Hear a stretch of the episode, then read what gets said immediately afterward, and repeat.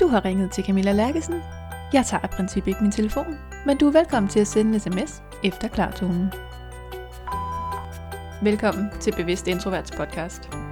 Jeg hedder Camilla, og i den her podcastserie har jeg inviteret en række introverte danskere til at dele deres livserfaringer på godt og ondt. Velkommen til. Skru op for de stille stemmer.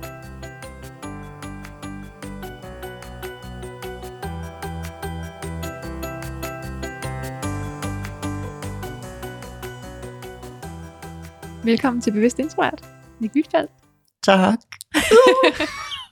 det er længe siden, vi talte om, at du skulle være med her første gang. Ja, jeg har jo pladet dig on and off om at få lov. jeg er så glad for at være her. Ja, jeg er også glad for, at du er med, øh, og jeg mistænker, at det kunne blive et af de lange afsnit, helt uden at vide det. Det ved jeg ikke, hvordan du kunne, hvor du kunne få den tanke fra. Det, det er jeg helt enig i. Det kunne godt gå hen og blive fyldigt. Det er jo i hvert fald en af grundene til, at jeg gerne vil være med, fordi jeg synes, at jeg har mange ting at, at dele ud af og at sige om det her emne om mig selv. Så ja.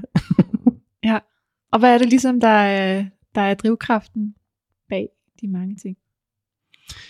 Det er at jeg synes generelt i livet, at det er vigtigt det her med at anerkende forskelligheder og se dem som ikke noget negativt nødvendigvis, men også som styrker, og det der med at være opmærksom på, hvordan vi er hver især, så man kan tage både hensyn, kan vi kalde det, men også bare, så man kan kommunikere bedre sammen, fungere bedre sammen, øhm, så man ikke antager ting, der er forkerte.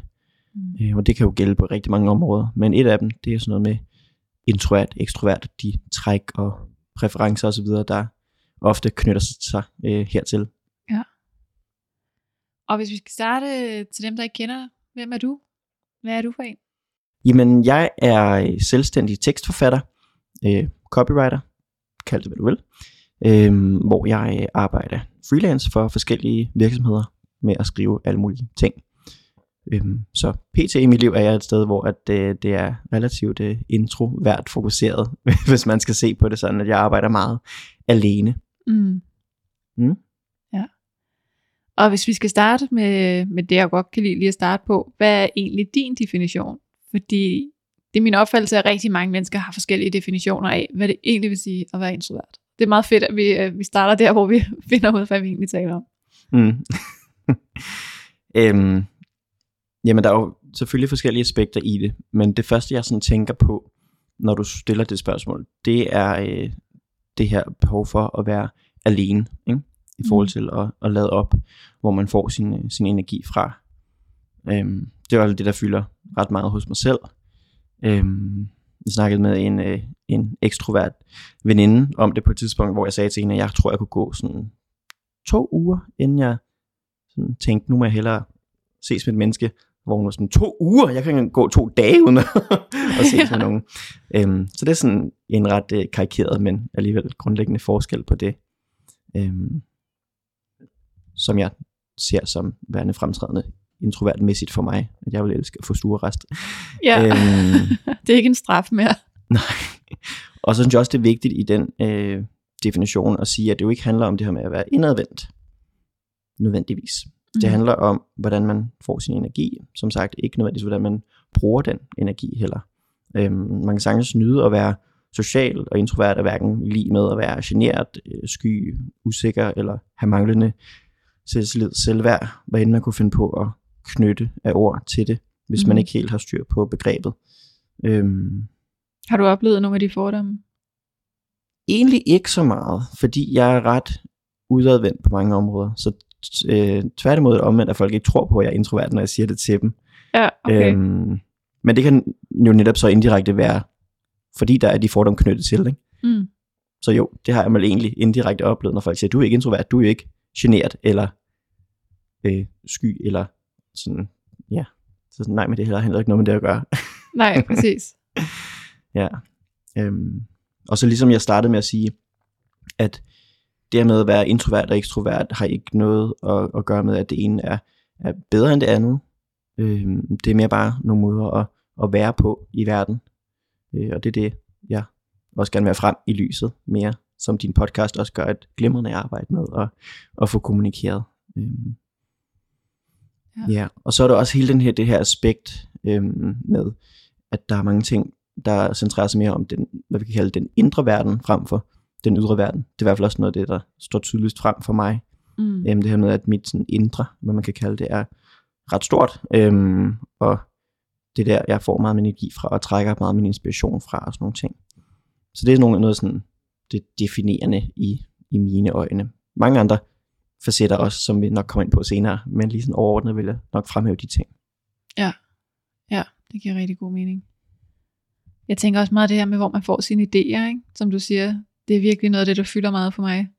Om jeg skal, hvis jeg virkelig skal finde på noget klogt, så skal jeg bare bure mig inde og bruge en dag Mm. på bare at gå rundt alene og gå lange ture og tænke, hvor nogen er sådan, så skal jeg ud og mødes med nogle mennesker, så vi virkelig kan spare Ja. på det her. Der kan man så også lige med det samme knytte den kommentar til det, at man behøver ikke at være 100% det ene, 100% det andet. Det er en Mm. form for spektrum, og man kan sagtens fungere i sociale situationer, og man kan sagtens også få idéer sammen med andre. Det er ikke Ja. fordi, at jeg altid sidder i en brainstorm og er død inde i. Altså sådan, der kan også sagtens opstå nye ting, og, og uh, kollaborativ udvikling af, hvad det er, jeg arbejder på. Ikke? Altså det fungerer helt sikkert også, men der, hvor det generelt set fungerer bedst for mig, og hvor jeg bedst kan lide at være, det er idégenerering alene, som du også siger. Ja, Ja. lige præcis. Så hvor er det, du lægger mærke til, at du er introvert? Where to begin? er du klar derude? Øh, sidder du ned? Amen, jeg har jo, som jeg også øh, har fortalt dig, jeg har jo snydt hjemmefra og forberedt mig lidt, fordi at jeg vil gerne kunne sige nogle ordentlige ting her. Ja. Så jeg ikke bare sad og sagde, øhm, det, måske jeg gør jeg lidt sådan her nogle gange. Jeg vil rent faktisk gerne fortælle, hvad det er for mig. Så hvor meget er det, du har forberedt dig? Fem siders noter. ja. Hvor lang tid var det, det tog? 3-4 timer. Det er, det er rart at have forberedte gæster i studiet. Det, tak, det er jeg glad for, at du ser på det sådan. Så, øhm, så, så hvis, hvis du hører det her afsnit og tænker, han fik da kun sagt fire ting, så er det fordi Camilla har klippet resten ud, fordi det bliver for langt. det, nu nu ser vi på det. Øhm, hvad var spørgsmålet? Jeg tror, vi er nået til din, øh, din potentielt meget lange liste over, hvor du oplever, at du er introvert. Det var det. Øhm, grundlæggende igen er det det her med, at jeg får overskud af at være alene. Øhm, jeg kan jo konstatere gang på gang, at jeg har bare nogle lykkedepoter, som øh, bliver opfyldt i ekstrem grad af at være alene, og som ikke kan opfyldes på samme måde af at, at være, være ude i verden og være sammen med andre mennesker i hvert fald. Mm. Øhm, og det er jo ikke fordi, at det her med at være, øh, være sammen med andre er noget, som jeg ikke kan lide. Det vil jeg også gerne understrege fra start af. Ja. Altså at være social og opleve samhørighed, tilhørsforhold, fællesskab, kald det hvad du vil. Altså det elsker jeg selvfølgelig lige så meget som, som alle andre mennesker. Ikke? Det føles godt. Altså, jeg har også et behov for at føle mig forstået, set, anerkendt. Hvis jeg ikke har nogen venner, vil jeg være mega ked af det. Så det er jo ikke fordi, jeg kan bruge for mennesker i mit liv. Jeg vil ikke have det godt uden at have relationer overhovedet. Så det har ikke noget med det at gøre. Jeg elsker også møde nye mennesker. Men alle de ting, det er jo så lige med, at der kommer mere energi ud end ind. Så lige så meget jeg nyder det, så får jeg få ladt mine batterier ordentligt op, for at bruge det meget klichéagtige billede, men som er meget rigtigt. Mm. Så øhm, hvis det skal ske, uden jeg bliver tappet for strøm imens også, så har jeg brug for ligesom at være tilsluttet opladeren derhjemme, kan man sige, at være helt slukket, når det kommer til kontakt med andre. Ja. ja, så det er jo basically et spørgsmål om matematik, ikke? Jamen lige præcis. Ja. Så det er sådan the foundational principle i min, min egen oplevelse af at være introvert. Øhm, og det har jeg så også virkelig mærket under øh, corona øh, isolationsperioder, øh, især sidste år, hvor det jo lige var begyndt. Øhm, og, øh, og vi var alene i flere uger, Mm. sådan. Hvis man i hvert fald overholdt det. Det gjorde jeg. Jeg var glad for det. Ja, øhm, det var ikke det store problem. Nej, præcis. Og der var det jo virkelig en samtale, man havde i Danmark med, øh, og resten af verden også selvfølgelig, men, øh, men hvordan introverte og ekstroverte hver især Mhm. oplevede det her, ikke? hvor at ekstroverte meget følte sig spærret inde og sådan afskåret fra verden, ikke? hvor jeg mere følte, at verden blev lukket ude. Ja, Så det var mere sådan en, en god følelse. Ikke? Jeg følte mig frigjort. Øhm, og det er jo så igen, fordi jeg kan slet ikke... Og ja, nu har jeg lige sagt, at det ikke er sort-hvidt, men, det er, men nogle ting er sådan lidt sort-hvid for mig. Øhm, så nu bliver det lige formuleret sådan, fordi jeg kan ikke rigtig sådan relatere til følelsen af ensomhed. Når folk snakker om det, mm. Altså den her sådan sorg eller smerte eller ubehag ved at være alene, eller føler man mangler social forbindelse. Det har jeg, jeg skal ikke sige, at det kan komme en dag, men jeg, har, det har, jeg føler aldrig, at jeg har sådan haft det i min krop. Øhm, tværtimod er jeg kun sådan ensom, hvis jeg er sammen med nogle andre, og ikke føler, at jeg har lyst til at være der. Altså, Ja. så kan jeg føle mig sådan helt, åh, jeg er helt alene her, de andre har det sjovt, og jeg har bare lyst til at være et helt andet sted, og kan slet ikke deltage i samtalen, fordi at min energidepoter er helt brugt, og jeg kan slet ikke overskue, at min mundvig skal vende op af lige nu, øh, for jeg har bare lyst til at kigge ind i mig selv-agtigt. Øhm, der kan jeg sådan føle mig lidt ensom, hvis man kan kalde det det, ikke? Men ellers så er det, ja, ikke rigtig noget, jeg sådan oplever. Jeg har det helt på samme måde. Jeg kan sagtens føle mig ensom blandt andre mennesker. Men alene derhjemme? Never. Nej. Præcis. Nej. Og det føles, lyder så hårdt at sige et eller andet sted. Øhm, netop fordi det godt kan lyde sådan anti venneagtigt eller menneskefjendsk, eller sådan, eller bare at det er en facade, jeg prøver at sætte op og siger sådan, jeg er aldrig ensom, har det fint i mig selv. Ja. Øhm, men det er virkelig ikke, det er jo ikke sådan, jeg mener det. Det er virkelig bare sådan helt, jeg er virkelig under folk under corona, som har følt sig ensomme, ikke? Øhm, Ja. og manglet den kontakt, men jeg har på ingen måde nået dertil, at jeg fik den følelse lige meget, hvor længe jeg var øh, isoleret, som det jo var. Nej, lige præcis. Ja. Øhm, så jeg føler mig sådan lidt mærkelig, at jeg slet ikke har, har den følelse i kroppen, som mange andre. Men jeg tror, der er mange, der har det sådan. Altså, jeg tror bare ikke... Jeg tror nogle gange, at det er noget, vi ikke taler så meget om. Måske netop, fordi det ikke skal lyde, som om vi ikke vil vores venner. Ja, præcis. Jeg har faktisk en ekstrovert ven, der for nylig... Jeg havde lige postet et eller andet meme på Instagram, som jeg jo gør all the time. Ikke? Mm. Alle mine introvert memes om at have det fint alene, og ikke have brug for at se mine venner, og sådan et eller andet. Ja, Og der var faktisk en ekstrovert ven, der skrev og sagde, Camilla, nu har jeg ikke set dig i seks måneder. Jeg er faktisk ved at være sådan rimelig træt af at se de der memes, for jeg tager det pænt personligt. mm, Ja, okay. Okay. Det kan jeg så godt forstå. Men det er bare fordi, jeg har arbejdet helt vildt meget i seks måneder. Ja. Så sådan, det er ikke personligt. mm, Men jeg kan godt lidt følge ham, ikke? Og det var jo netop den frygt, som jeg tror, mange af os sidder med, når vi siger sådan noget, ikke? Ej, men jeg har Mhm. det fint alene, at der er nogen, der sådan tager det personligt. ja, og det er også noget, som er det, jeg sådan har det aller værst med. Det er nemlig, hvis folk føler sig afvist, eller føler, at det er dem personligt, det handler om. For det er det overhovedet ikke. Mm. Øhm, og så altså igen tilbage til det her med at føle sig ensom. Man kan også sige det på den måde, at jeg kan sagtens savne folk. Altså det gør jeg. Jeg kan sagtens tænke, ej, vi har det sjovt sammen. Jeg gad godt at ses med den person. Altså selvfølgelig kan jeg have de følelser, men jeg føler mig ikke sådan tom indeni Nej. ved, at jeg ikke ses med dem. Så der er sådan, der er en adskillelse for mig der. Jeg kan godt, ligesom hvis jeg tænker et eller andet mad, smager godt, ej, jeg glæder mig til at spise det igen. Men det er ikke fordi, at jeg sådan føler sådan, jeg skal ud og have den her ret nu. Hvis man kan, igen lidt karikeret, ikke? Men øh, Mm. hvor, som jeg forestiller mig, jeg ved det jo ikke, men som jeg forestiller mig, at ekstroverte mere har det. At de føler, at det sådan er, ja, det bedste ord er et behov, ikke? Jeg får glæde ud af at være sammen med andre, men det er ikke et behov, jeg føler, der skal opfyldes konstant Nej. overhovedet. Jeg kan også tage mig selv i, og netop som du siger, sidde og tænke, ej, jeg savner den og den person, og det kunne være virkelig hyggeligt at hænge ud. Og så kan jeg godt kigge på min dag og være sådan, "Men det er lørdag, jeg har ikke nogen planer, jeg kunne skrive til dem. Ja, det bliver næste uge. Ja. og det er jo i virkeligheden fjollet, fordi why not? Men der er mit behov for lige, når det endelig er lørdag, jeg ikke har planer. Mm, Åh, oh, det er bare så heldigt. præcis, så det er jo ikke fjollet, som du lige sagde. Det synes jeg jo netop ikke, det er. Fordi det handler om, hvad dit eget behov så er. Og det er at være alene, når du har lavet ting hele ugen. Og lige meget om det så er at arbejde eller være sammen med andre, men når du er flad og har brug for at få energi igen, så er det nemlig vigtigt at anerkende, hvad dit behov er. Og hvis det er ikke at skrive til nogen, selvom du i princippet har tiden til det, så synes jeg ikke, det er fjollet. Og det er lige præcis en af de ting, jeg gerne vil kæmpe mere for. Fordi jeg selv et par gange har sådan oplevet, at folk ikke har kunne forstå det, hvis man har sagt, man ikke har tid slash overskud. Men især hvis man bruger ordet tid, så sådan, du har jo tid. Ja, jeg har tid, som i, at jeg ikke skal noget i aften, som i ud af huset, men det jeg skal er at være sammen med mig selv. For jeg har ikke været sammen med mig selv i fem dage, Mm. og jeg er ved at brænde sammen ind i, så det er det, jeg skal. Ja, så nu bliver jeg allerede sådan helt øh, på barrikaderne. ja, det er også fint.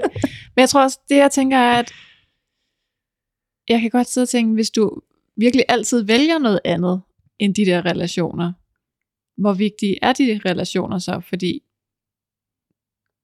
hvis der, man, hvis der er nogen, man ikke kan se i seks måneder, og stadig tænker, nej, mm. det, kan, det kan være sådan noget, jeg kan blive nysgerrig på, eller bekymret om, og tænke, hvor vigtige er de så, og mange af dem ved jeg godt, om de er sindssygt vigtige, men hvorfor i alverden så ikke bruge tid på det? Nogle gange tror jeg også, for mig i hvert fald, at jeg kommer til at købe autopilot. Jeg kommer simpelthen til at sige, hvad gider jeg i dag? Og så er jeg bare sådan, om, altså, der er et eller andet i mig, der bare altid vil vælge mig selv. Hvis ikke jeg er mm. meget, meget vågen og opmærksom, ja. så altså, jeg skal huske at tilvælge de der relationer, hvis jeg gerne vil have dem i mit liv. Virkelig. Og der er jeg så, så heldig, vil jeg jo se det som, at mange af mine venner, de er gode til at række ud til mig. Mm. Øhm, blandt andet også fordi, jeg har været meget åben om det her de sidste år, og sagt, at det er sådan, jeg har det. Øhm, at jeg får ikke lige ragt ud, og det har ikke noget at gøre med, at jeg ikke tænker på dem, eller ikke har lyst til at se dem. Jeg får det bare ikke lige gjort. Så derfor er jeg vildt glad for, siger jeg til dem, når du gør det, sådan så at du holder mig oppe på, når jeg, vi skal ses. Vi har en relation. Jeg vil gerne det her venskab, for det vil jeg gerne. Mm. Jeg kommer bare til at vælge mig selv til ofte, og som du lige har siddet og forklaret så fint. Ja. Øhm, fordi det er det, mit behov ofte er, hvis jeg sådan helt instinktivt skal tænke, hvad har jeg behov for i dag? Ja. Jeg var nogle gange, så tror jeg, at en fælde, vi introverte kan falde i, ikke? det er det der med, sådan, hvad har jeg mest lyst til? Jeg tænker, ja, jamen, vi kan også stå over i supermarkedet og tænke, hvad har jeg mest lyst til? Broccoli eller chokolade? Jeg ved godt, hvad jeg har mest lyst til. Ja. Men det er faktisk ikke det, jeg har behov for. Mm. Og en gang imellem, så tror jeg, jeg kommer til at vælge mit eget selskab som lette kalorier, selvom jeg faktisk havde Mm. brug for at dyrke nogle relationer. Det vil jeg også give dig ret i. Og det er også en potentiel fælde, eller hvad vi skal kalde det, jeg, jeg tænker over.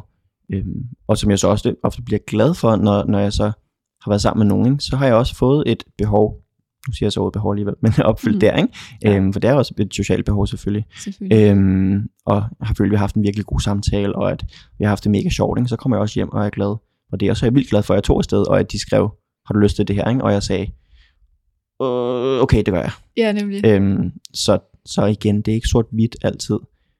Men det kan det komme til at blive, hvis man altid vælger de kalorier, der instinktivt føles Ja. bedst.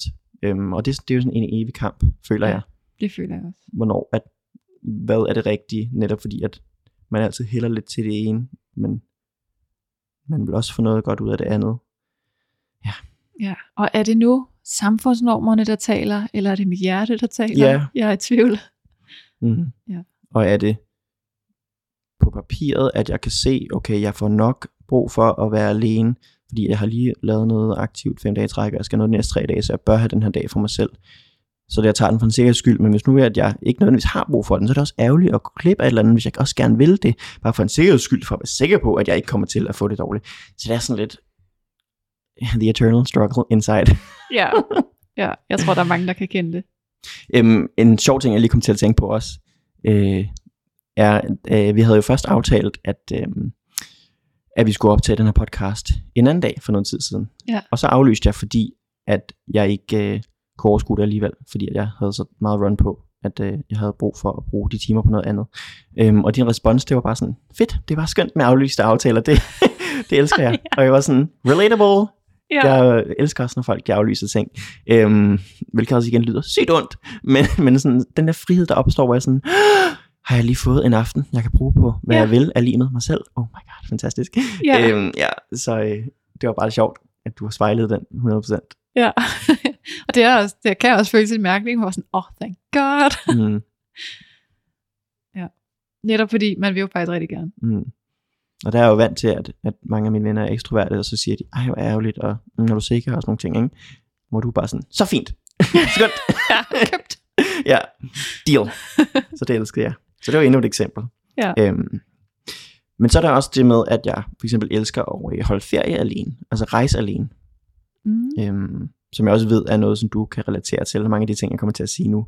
Mm. Øhm, altså jeg har været i Amsterdam alene, i Berlin alene, London alene, hvor jeg bare elsker at gå rundt og nyde og suge til mig og lave lige, hvad jeg har lyst til, øh, i det tempo, jeg har brug for det, og skifte mening, som det passer mig, og spise, hvor jeg vil, og alle de der ting.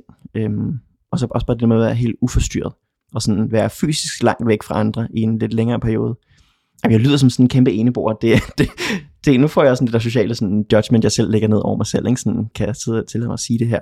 Men sådan, det er sådan, jeg har det. Ikke? Øhm, jeg valgte også under min øh, uddannelse at tage på studieophold i USA på min bachelor alene. Rejste derover og kom væk. Mm. Øhm, og tog også på øh, praktikophold under min kandidat. Også i USA.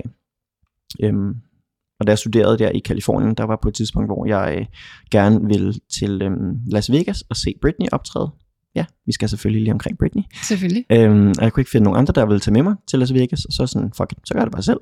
Så jeg øh, fløj alene til Las Vegas, og øh, var i Las Vegas, hvilket man jo skulle tænke er lidt en social by. Øh, men der nåede jeg også bare at gå rundt og kigge på hotellerne, og bare øh, suge til mig, øh, hvad andre mennesker gjorde, og, og så videre. Ikke? Øhm, så det er sådan et eksempel på, at selvom jeg oprindeligt havde planlagt at tage afsted med nogle andre, og håbede, nogle venner ville med, så gjorde jeg det bare alligevel, hvis de ikke ville. Det var intet problem for mig. Og det er der jo en kæmpe frihed i. Ja. Altså det er jo virkelig en fordel at kunne gøre det der og sige, nå, jamen, fint nok, så gør jeg det bare selv. Mm. Uden at det er en forlidt erklæring, og man tænker, det bliver ikke det samme. Præcis. Og det er også derfor, jeg var så glad for, at jeg så den video med dig. Du har lavet mange videoer efterhånden, blevet interviewet en del. Men øhm, den der, hvor man ser, at du er i biografen alene for eksempel. Ikke? Øhm, Ja. Og du siger også, at du kan godt gå ud og spise alene. Øhm, altså jeg har det på præcis samme måde. Hvor jeg Ja. har venner, der er sådan, kan du gå på restaurant alene, uden at det er takeaway? Og sådan, ja, det er ikke noget, jeg vælger så ofte, men det kan jeg sagtens. Hvis jeg har Ja. lyst til at besøge en restaurant, og jeg er træt, jeg skal sidde ned og spise, så gør jeg det. Ja, præcis. Ja, eller hvis man er i den anden ende af landet. Ja. Selv, og har et eller andet arbejde, eller tager en overnatning for at ses med nogen, og ikke lige er sammen med dem der, Hmm. jamen, så gør jeg da bare ud selv. Og jeg har heller ikke nødvendigvis den der, hvis jeg for eksempel skal ud og shoppe, hvor jeg tænker, at nogle mennesker måske vil sige, skal vi tage ud og shoppe på lørdag? Så vil jeg heller bare selv gå ud og shoppe og, og kigge på Ja. tingene, som jeg har lyst til, og i ro med og, og så videre. Ja. Og for nylig, jeg havde fødselsdag her for, øh, for ikke så længe siden. Øhm, og, øh, og jeg fejrede den ved at gøre det, jeg havde allermest lyst til, hvilket bare var at være alene. Fedt. Ja, hvor folk var sådan, "Jamen, hvad skal du lave i dag? Og hvad lavede du i går? Og sådan nogle ting. Jeg var sådan, jamen jeg arbejdede lidt i starten af dagen, og så øh, holdt jeg fri. Og jeg kan ikke huske, hvad jeg lavede. Lå i min seng, så en film. Something like that. Det var, det var det, min krop og min hjerne sagde til mig, at jeg skulle gøre for at treat myself. Ja. Ja. Ej, hvor fedt. Mm. Og det er jo det, man kan. Og det er jo det, man skal have lov til. Det er det. Selvom man så tænker, oh, men jeg skal jo ud og fejre det med nogen, jeg skal jo mødes med nogen, jeg skal jo gøre et eller andet. Samfundet, igen det der, forventer jo lidt, at, at man skal fejre i gåsøjne, ikke? Ja. Uden at det skal være for store ting, fordi selvfølgelig, så meget det heller ikke at fejre af at blive 29, vel? Men, Oh. ja. øhm, men ja, du forstår pointen. Ja, fuldstændig. Så er der jo, øhm, så er der jo hele den afdeling, der hedder sådan arbejdsmæssigt øh, og kommunikationsmæssigt, kan vi også kalde det. Øhm, lidt en blandet landhandel. Men for eksempel det her med, at jeg arbejder bedst alene, som vi snakkede om, og også i sådan ro, stillhed. Øhm, jeg har sådan efterhånden lært mig selv at arbejde med musik. Det kan jeg godt nu. Ja. Øhm, men sådan i gymnasiet og sådan noget, hver gang der var eksamen, hvor andre sad med høretelefoner i og sådan nogle ting, jeg sad bare dead silence. Det var sådan, jeg bedst kunne koncentrere mig. Ikke? Ja. Øhm, og sådan har jeg det stadigvæk også med, at jeg skal selv sidde i et rum, hvor jeg kan lukke dørene, og sådan, der er ingen, der kigger på mig, og, og ingen forstyrrelser osv. Ikke? Øhm, så synes jeg, at jeg får de bedste resultater, og mest sådan produktiv, øhm, når jeg kan brygge på det i mit eget tempo, og med min egen struktur osv. Ja. Også øhm, det, vi snakkede om lidt med at få idéer øhm, i stillhed, frem for, at det er en øh, proces med andre. Øhm, selvom det kan også give noget, ikke? Men jeg Mhm. havde et, øh, et meget sjovt eksempel for, for ikke så længe siden, hvor jeg var sammen med en kunde, og øh, vi var ved at udvikle nogle ting til noget, vi laver sammen. Og så skulle vi finde på et eller andet begreb eller ord, eller whatever. Øhm, og øh, min kunde, han går så straks i gang med at tale højt og tænke højt, ikke? og siger, oh, det kunne være noget med det her, og øh, nej, men det er også lidt forkert, og sådan, er, er det mere rammende, hvis vi går i den retning? Hvis jeg, hvad, hvad, hvis, hvad hvis vi gør sådan her, sådan her, ikke? Og så efter sådan et minut eller sådan noget, så sagde jeg til ham, jeg stopper dig lige. Super fint, at øh, det er det, du har brug for. Det anerkender jeg. Men jeg kan ikke overhovedet få nogen idé, når du bliver ved med at tale. Jeg Nej. kan simpelthen ikke nå at tænke. Øhm, så nu, nu har du talt højt i øh, fem minutter, hvad der var gået. så nu øh, går du lige ud i gangen og fortsætter, og så øh, sidder jeg lige her og får lov at tænke fem minutter, og så mødes vi igen, og så kan jeg bidrage. Ja. Øhm, så igen, det var sådan et, et clash, ikke på en dårlig måde, men bare sådan, hvor jeg virkelig sådan erfarede, gud, vi fungerer helt forskelligt. Ja, og det er jo fedt, du kan sige det der, ikke? Ja. Fordi jeg har siddet i nogle situationer og virkelig bare prøvet at multitaske, og prøvet at reagere, og være sådan, mm, ja, måske, og jeg prøver Mm. lige at forholde mig til det, du siger, og jeg prøver også lige at få nogle andre idéer samtidig. Ja. Det kan jeg ikke. Nej, og det kan jeg heller ikke altid. Det var, nu er det også en kunde, jeg havde mødtes med nogle gange, så vi havde sådan etableret et forhold, ikke? Men øhm, ja, det kan jeg godt føle. Ja. Øhm, og så i, i, i forbindelse med det, så er der jo hele det her med netop at tænke, før man taler, ikke? Og, og forberede sig. Øhm, som både kan gælde i formelle og uformelle situationer, øhm, og som jeg også også har gjort i dag. ja. øhm, og jeg har faktisk fundet på en meget god sådan, metafor eller billede på, hvordan jeg har det. Også for at beskrive det over for folk, der siger, du er da ikke introvert. Du er jo mega sådan festlig og op på scenen, men det er digitalt på LinkedIn-scenen, eller det er fysisk dansegulvscenen. Ikke? Mm. Øhm, så, sådan, så tænker jeg lidt på det på den her måde, at ja, jeg er den første på dansegulvet til festen, uden problemer. Men jeg kan bedre lide koreograferede rutiner. ja. Så jeg har ingenting imod at stille mig op på en scene og lave et eller andet. Men jeg har det 10 gange bedre med, hvis jeg vidste på forhånd præcis, hvad jeg skulle gøre. Ja. Ja, ja, det giver så god det synes mening. jeg er et meget godt billede på mig, for at forklare. Nej, jeg er ikke generet, men jeg er introvert. Ja, ja, præcis. øhm, og så igen et, en anden vinkel på det her øh, kommunikationsarbejdsmæssige prisme. Det er jo så også det her med, at, at jeg synes, jeg formulerer mig bedre på skrift end i tale. Øhm, fordi at jeg jo netop har tiden til at tænke ordentligt igennem, hvad det er, jeg gerne vil sige. Øh, og det gør så også, at jeg føler, at det bliver et bedre produkt. Igen lige meget, hvad det er, om det er en, en, en opgave, eller om det er bare en sms, eller whatever. Øhm, så føler jeg ligesom, at det er min mest ægte side, der kommer ud på skrift. Øh, og jeg ligesom føler mig sådan mest opfyldt, eller hvad man skal sige, øh, når jeg skriver, fordi at der kan jeg få formuleret mine tanker ordentligt, ikke? så det bliver retvisende og, og hensigtsmæssigt, så jeg ikke kommer til at sige noget forkert, ikke? Og, og fyldskørende, jeg får sagt alt det, jeg vil, sådan nogle ting, ikke? Øhm, som jeg tænker, du også kan relatere til. Ja. Ja. Så du kender godt det der med at tage fra noget, og så tænke, hvorfor ser jeg ikke bare det der? Story of my life. Ja, hele vejen hjem på cyklen. Ja, yeah. Mm-hmm. det var sådan, det skulle have lyttet. Den Ja. her formulering havde været god. Præcis. Så derfor er det, det er generelt ikke helt godt at have diskussioner på skrift, vel? Men det er godt i den forstand, at så kan man nå at sige det, man gerne vil, og bonus, som er skiller for ekstroverte, man kan nå at stoppe sig selv i at sige noget, man ikke burde sige. Ikke? Jo. Ja. Jo, det er virkelig rigtigt. Lige præcis. Har du mere på listen? Ja, ja. Ja, ja. Øh, næste emne er øh, noget mere med den her indre verden og relationer Mm. til folk. Øhm, hvis vi starter med den indre verden, så har jeg et gigantisk behov for at reflektere over verden, samfundet, livet. Altså, jeg elsker at tænke over ting i mit liv, og ligesom tænke min hverdag igennem, og altså bearbejde og analysere, både før og efter ting sker, øhm, hvilket også dræner mig nogle gange, altså det kan også være overkill, og jeg er kronisk overtænker, det indrømmer jeg, men på den anden side, så gør det også, at jeg føler mig sådan glad og at peace, eller hvad man siger, Ja. øhm, når jeg ligesom får ryddet mentalt op, ikke? filtreret mit sådan indre garnnøgle ud, Ja.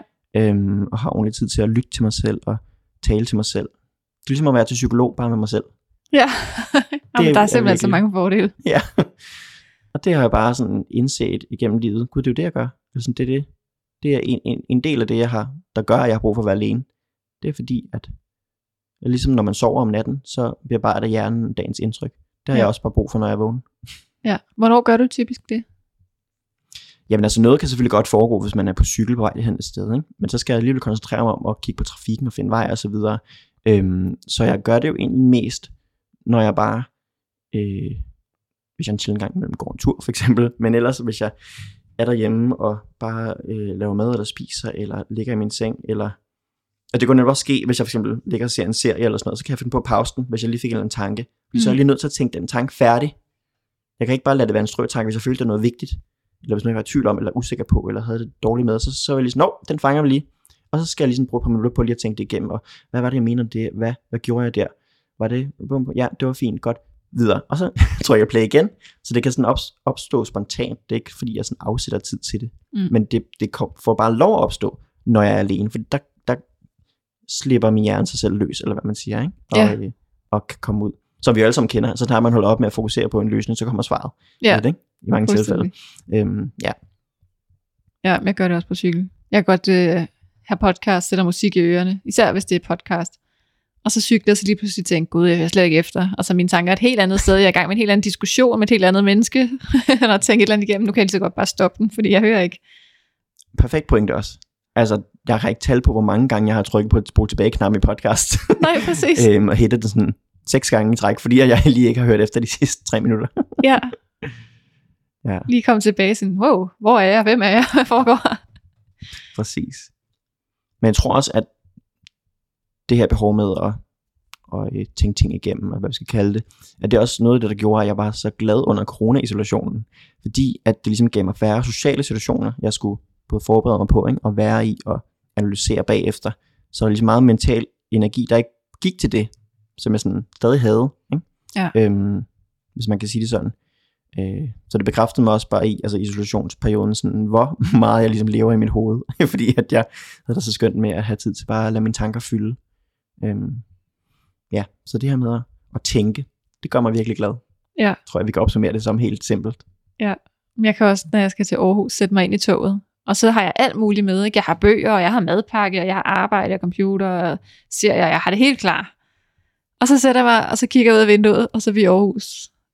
Dammit. Ja. Ja. jeg når aldrig noget. Fordi Kender. så går tiden. Mm. Noget andet, som øh, jeg også øh, får ud af at være alene, det er, at jeg har ligesom, mulighed for at lave nogle ting, jeg ikke kan lave med andre, som for eksempel at være kreativ, øh, hvilket kan manifestere sig på forskellige måder, men for eksempel i nogle perioder kan jeg godt lide at tage billeder og photoshop de billeder, sidde ligesom og nørkle med det, ikke? nørde med det, øh, eller hvis jeg skriver, hvad end det så er, er øh, professionelt, eller bare noget blog, eller whatever, jeg skriver om mit privatliv, så elsker jeg det med at sidde og sådan finde den rette formulering, ikke? Øhm, for eksempel. Mm. øh, og sidde og have lov til at, at dykke ned i det, og virkelig sådan mærke efter og tænke osv. Ikke? Øhm, eller hvis jeg nu skal besøge et eller andet emne, jeg kan, bruge, jeg kan bruge timer på Wikipedia på at nørde et eller andet, ligegyldigt, hvem der har skrevet nogle sange, eller øh, ofte er det noget med musik at gøre, med alle mulige, som andre folk vil sige er ligegyldigt, ikke? Øhm, men som ligesom indebærer fordybelse, det er måske det, jeg prøver at sige, ikke? Mm. Øhm, det giver mig også sådan et lykkeboost, Ja. som ikke kan opstå sammen med andre, for der fordyber jeg mig ikke. Det kan give mig lykke på andre måder. Ja. Men det her behov kan kun opfyldes ved at være alene. Ja, det giver rigtig god mening. Øhm, og som jeg lige siger, jeg kan også sagtens få et lykkeboost, eller hvad vi skal kalde det, af øhm, at være sammen med andre og snakke. Ikke? Men der er det meget igen karakteristisk, sådan introvertmæssigt, at det skal helst være en af en, frem for en gruppe. Ja. Der er ikke noget bedre, udover at være alene, end at have en rigtig god samtale en til en. Og omvendt kan jeg ofte blive irriteret, hvis der er en stor gruppe. Så får jeg ikke budt ordentligt ind, og jeg føler ikke, det er spændende, vi taler om, og ja, det kan, det kan frustrere mig mere. Mm. Øhm, så one-to-one conversations, det er my jam. Ja. Og hvordan har du det så med det der med at være introvert? Det er der jo mange, der faktisk har det meget blandet med. Ikke? Nogle er faktisk enormt kede af det, nogle er enormt stolte af det. Ja. Jamen generelt så tror jeg, jeg vil sige, at jeg ser det som en brugbar ting egentlig. Altså vælger jeg i hvert fald at anskue det, som fokuserer på de sider af det, som kan noget. Øhm, og det er ikke noget, jeg sådan skammer mig over. Øhm, men jeg synes, det er svært ofte, øh, fordi jeg ikke altid får taget hensyn nok til mine behov. Øhm, så sådan, hvis vi skal, skal sådan være helt raw omkring det, så er jeg egentlig lidt ked af, at jeg har det behov, fordi at jeg meget sjældent føler, at jeg sådan helt ægte kan få opfyldt det behov. Mm. Så at være introvert i sig selv er ikke noget, jeg har det dårligt med, men konstellationen er at være det i den her verden, hvor jeg skal alt muligt andet, og der er så mange andre ting, der hiver i mig, og som jeg også gerne vil. Ja. Det er jo det, det skal ikke lyde sådan offeragtigt, vel? Men, øhm, men altså, hvis nu døgnet havde 40 timer, så ville jeg have det, have det perfekt med at være introvert. Men når der ikke er flere timer, end der er, så synes jeg sjældent, at jeg ægte når at blive helt opladt. Ja. Så derfor synes jeg, det er svært. Ja, det kan jeg godt føle. Og hvad tænker du om det, her- den her retorik, der er med, at vi lever i sådan en ekstrovert verden? Gør vi det?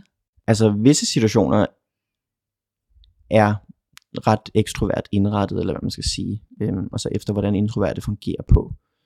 Uden at jeg siger, det er en dårlig ting, men bare at bemærker man som introvert. For eksempel konceptet brainstorms, ikke? hvis det sådan mm. er spontant, og man ikke har fået, fået at vide på forhånd, hvad det handler om, at få, få lov at forberede nogle ting. Ikke? Øhm, og så det, den der sådan holdning, som det i hvert fald, jeg tænker, nu er jeg også selv fordomsfuld, ikke? men som hos nogle mennesker, der kan være om, at som ung er man kedelig, ikke? hvis ikke man tager med til fester hver weekend, eller går i byen og så videre, ikke? hvis man ikke synes, det er fedt. Så er ja. sådan, hvem er du? Ikke? Ja. Øhm, på den måde er der jo nogle ting, der er indrettet, nogle holdninger, der er skabt efter, sådan, hvordan ekstroverte foretrækker at være på, tænker jeg.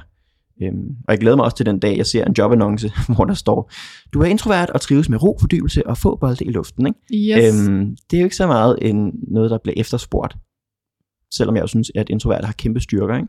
Øhm, så på den måde er der mange ting, der man kan finde sikkert, som taler til ekstroverte, hvis man kan sige det sådan. Ikke? Mm. Øhm, jeg vil dog ikke sige, at jeg sådan oplever det som et anti-ideal, eller hvad man skal sige. Øhm, og det kan godt være, at jeg er blind over for nogle, nogle sider der, som andre måske oplever hårdere. Øhm, men jeg synes også, der er kommet mere fokus på introverthed. Blandt andet med din podcast og hele dit virke. Så jeg er så taknemmelig for dig. øhm, men det kan selvfølgelig også være, at det er bare fordi, at jeg netop selv går så meget op i det, at jeg føler, at der er mere fokus på det, at den gennemsnitlige person ikke rigtig stadig ved, hvad det handler om. Ja, Ej, jeg tror også, der er flere og flere, der begynder at vide, hvad det handler om.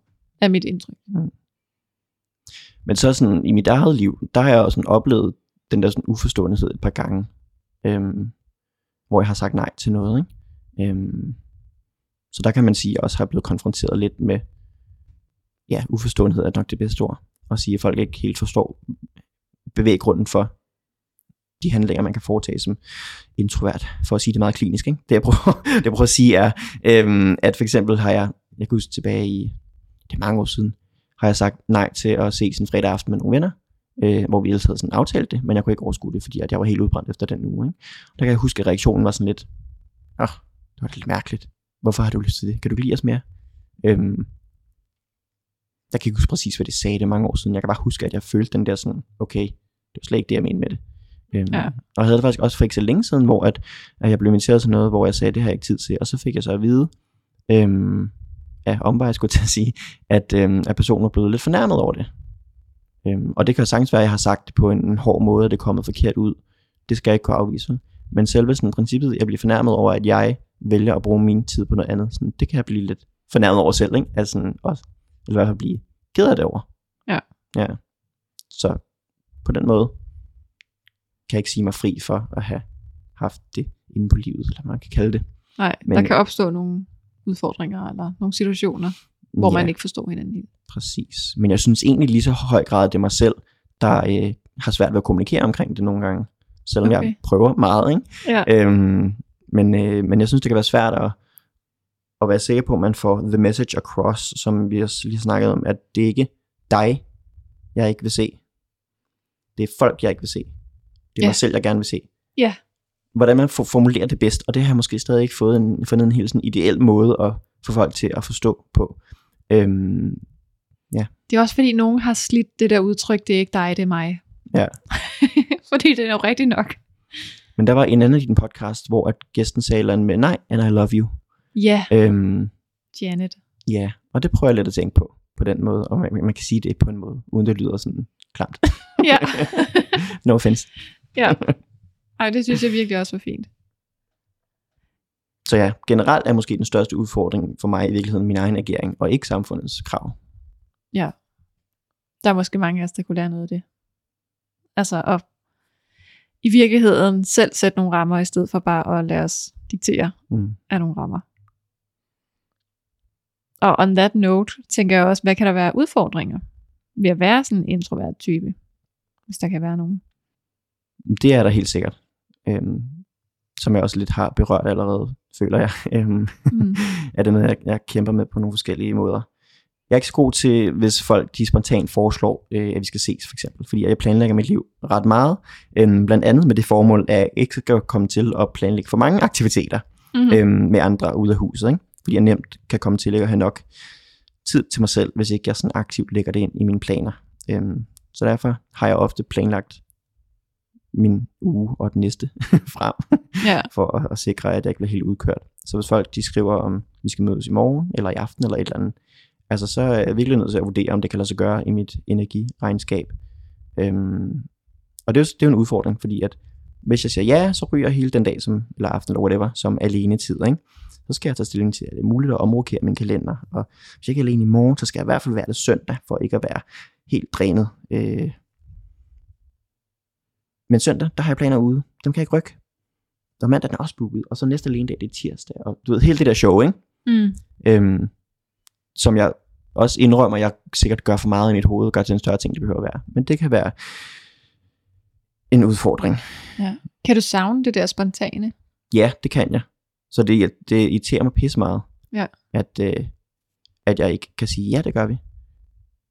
Og hvis jeg så ender med at sige ja til noget, som jeg ikke egentlig har overskud til, øhm, så bliver det jo ikke sjovt, hverken for dem, jeg er sammen med, eller mig. Altså, fordi jeg kommer ikke til at, at have det sjovt, øhm, og jeg kommer ikke til at have det sjovt dagen efter, fordi jeg er helt træt endnu mere, og så videre, ikke? Øhm, så det synes jeg er, er svært at, øh, at arbejde med nogle gange, som vi har snakket om før. Hvornår er det for meget? Hvornår over beskytter man sig selv Mm. øhm, og går glip af ting, der egentlig vil være gode for en, ikke? og hvornår er det et nødvendigt hensyn, man skal tage. Den ja. debat, synes jeg er rigtig svær Og rigtig vigtigt. og rigtig vigtig, lige præcis. Så det vil så også sige, øhm, at det, det kan være lidt svært det med at holde venskaber ved lige, som vi har snakket om. Så det synes jeg er udfordrende. Øhm, at finde den balance, hvor at jeg er glad i det, og de også er glade i det. Ikke? Mm. hvis det er ekstroverte venner, det er det, jeg snakker om nu, ikke? relationen til dem især. Ja. Øhm, og så hele skyldfølelsen over at skuffe folk, Ja. det har jeg det så svært med. Dårlig samvittighed over for dem, jeg ligesom afviser i godsøjne. Ikke? Øhm, Hvad siger de til det? Hvordan tager de det? jamen nu sagde jeg så lige et par situationer her, hvor at jeg har oplevet lidt modstand på det, men generelt så synes jeg heldigvis, at folk ikke reagerer dårligt på det. De siger selvfølgelig, nej det er lidt ærgerligt, jeg havde glædet mig, men så lige derefter siger de, men det er så fint. Det skal bare gøre, hvad du har lyst til at behov for. Og det tror jeg også, at delvist fordi jeg har været åben omkring det her over for dem, og sagt, hvordan jeg har det. At jeg, ikke- at jeg ikke finder på dårlige undskyldninger. At jeg siger, jeg kan ikke overskue det, jeg er helt udkørt.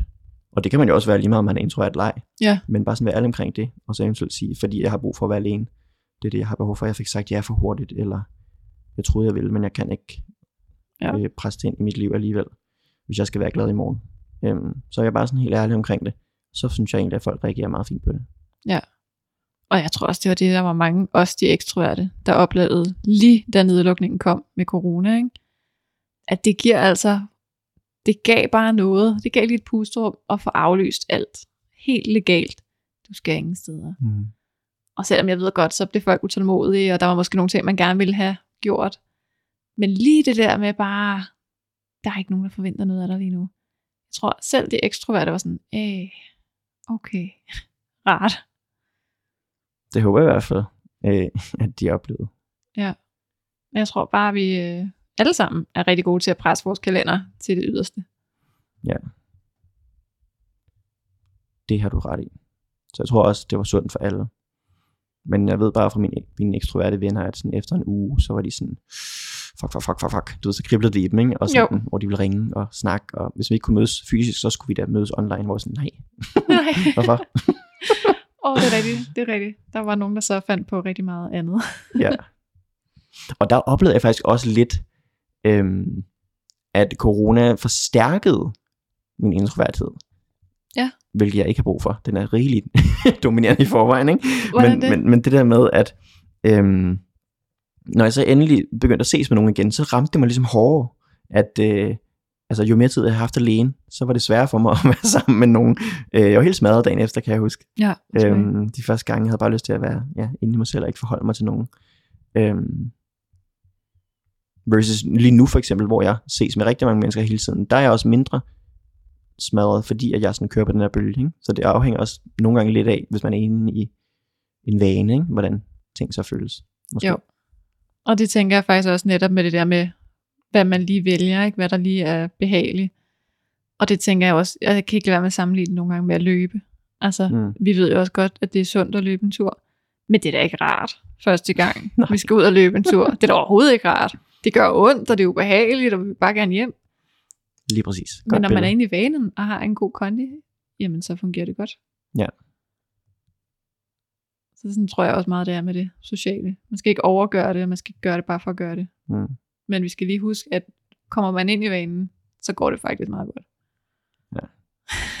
sådan har jeg det også en lille smule i forhold til arbejdssituationer øh, med sådan storrumskontor. At jeg kan godt vende mig lidt til det, når jeg sidder i det. Ikke? Øhm, mm. Også fordi man kan gå væk og sådan noget. Så, øh, så hvis det er det, der er præmissen, så kan jeg godt fungere i det. Men alligevel de gange, hvor jeg har været i det, altså så er jeg også blevet udkørt og drænet af det. Øhm, så ja, det er, nogle ting kan man, kan man vende sig til, øhm, men, men det er bare et andet eksempel også på, hvornår jeg synes, det er en udfordring. Ikke? Storrumskontor og også jobs med mange sådan afbrydelser, øh, eller ting, jeg skal forholde mig til, eller mennesker, der vil mig noget. Ja. Øhm, der er jeg mere meget gladere, hvis jeg kan sidde med den samme opgave hele dagen og fordybe mig i den, ikke? som en lille Emil Krabs bare på mit eget kontor. Ja. Og så andre gange, så tænker jeg, kæft, hvor er det kedeligt. Og så skal jeg ud og stimuleres, og så vil jeg gerne være i gang med mange ting på en gang i stedet. Så der er vekselvirkninger, men, øh, men det er også noget, jeg synes skal være svært. Ja, det giver mening. Har du mere til den? Øhm, var det off-record spørgsmål? Ja. Ja. Jeg kommer lige med en sidste tilføjelse. Mm. Og øh, det er så lige noget andet, men øh, det er også noget, vi to har snakket om lidt før. En anden ting, som jeg synes kan være udfordrende, eller i hvert fald irriterende, øh, det, det er lidt en pet peeve for mig. Det er det her med, hvis jeg for eksempel er til fest, og så jeg gerne vil hjem, og folk ikke vil lade mig gå.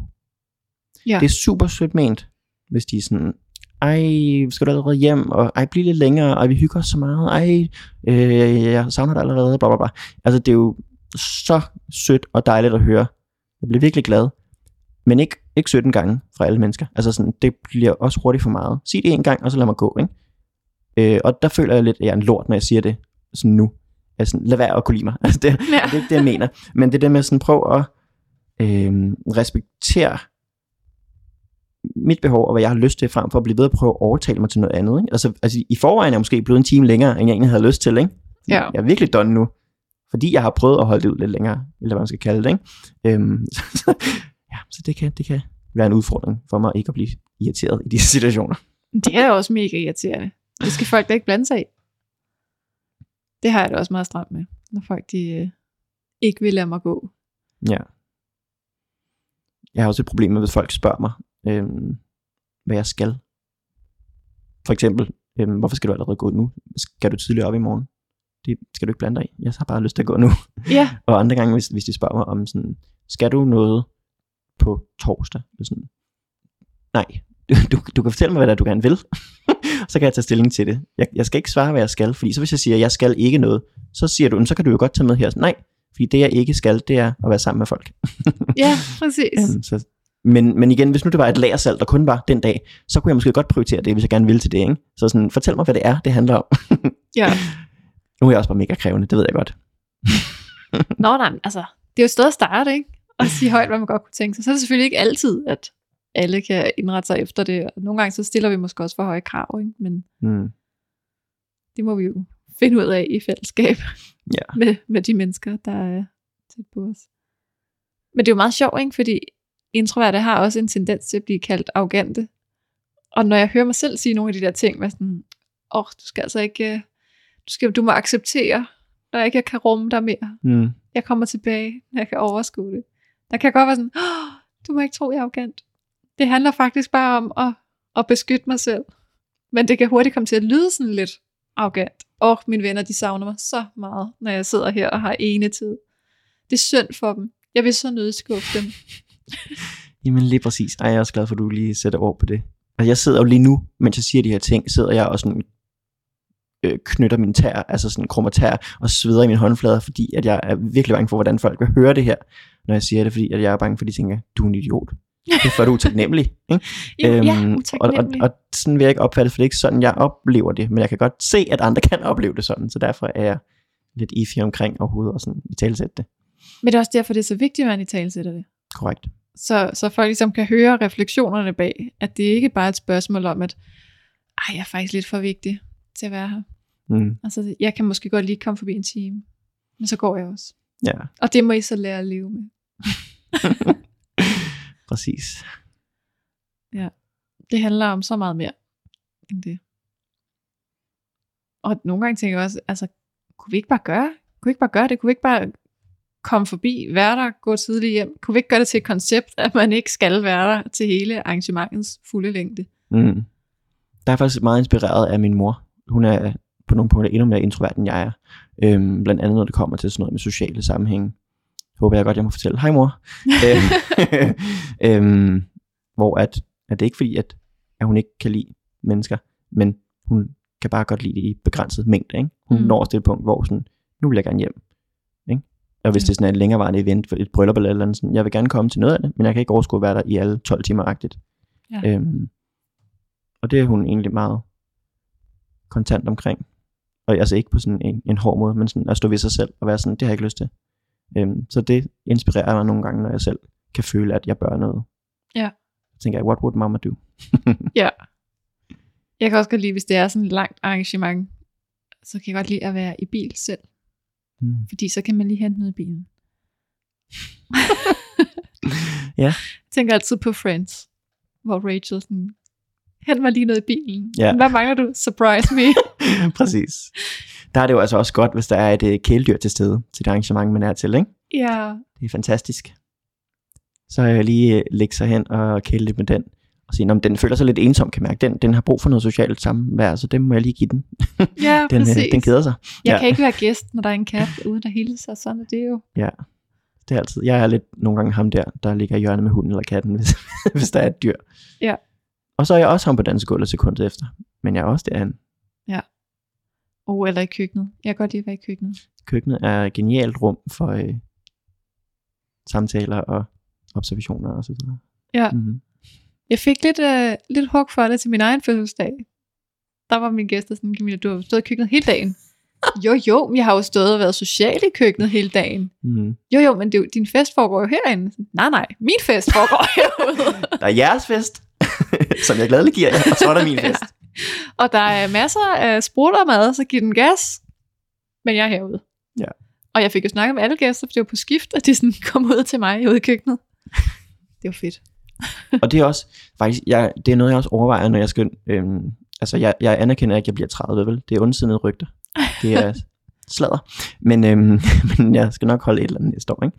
Og, øhm, og der er jeg også mega splittet mellem, at jeg vil gerne holde noget stort og invitere 100 mennesker, eller hvor mange venner jeg nu kan skrive sammen. Mm. Mm.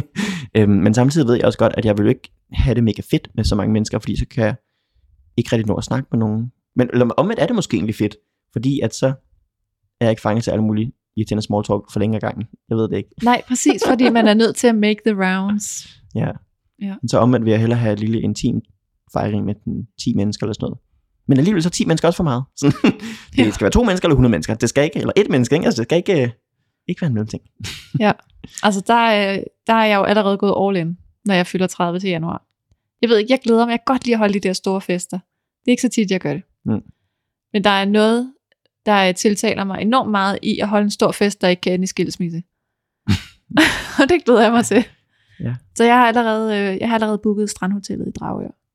Ej, Og så bliver vi 35 mennesker, håber jeg. Med musik og dans og træretter og det hele. Så får du lige overskrevet et, øh, overskrevet et øh, traume, og erstattet det med et godt minde i stedet Ja. for. eller Ej, hvad det var en god fest. ja, ja, men, men følelsen af, at min sidste store fest, det, det er ikke skilsmisse. Nej, og jeg glæder mig helt vildt. Men, øh, men det er også det der med, at der er ligesom nogle rammer, ikke? Og, og Mhm.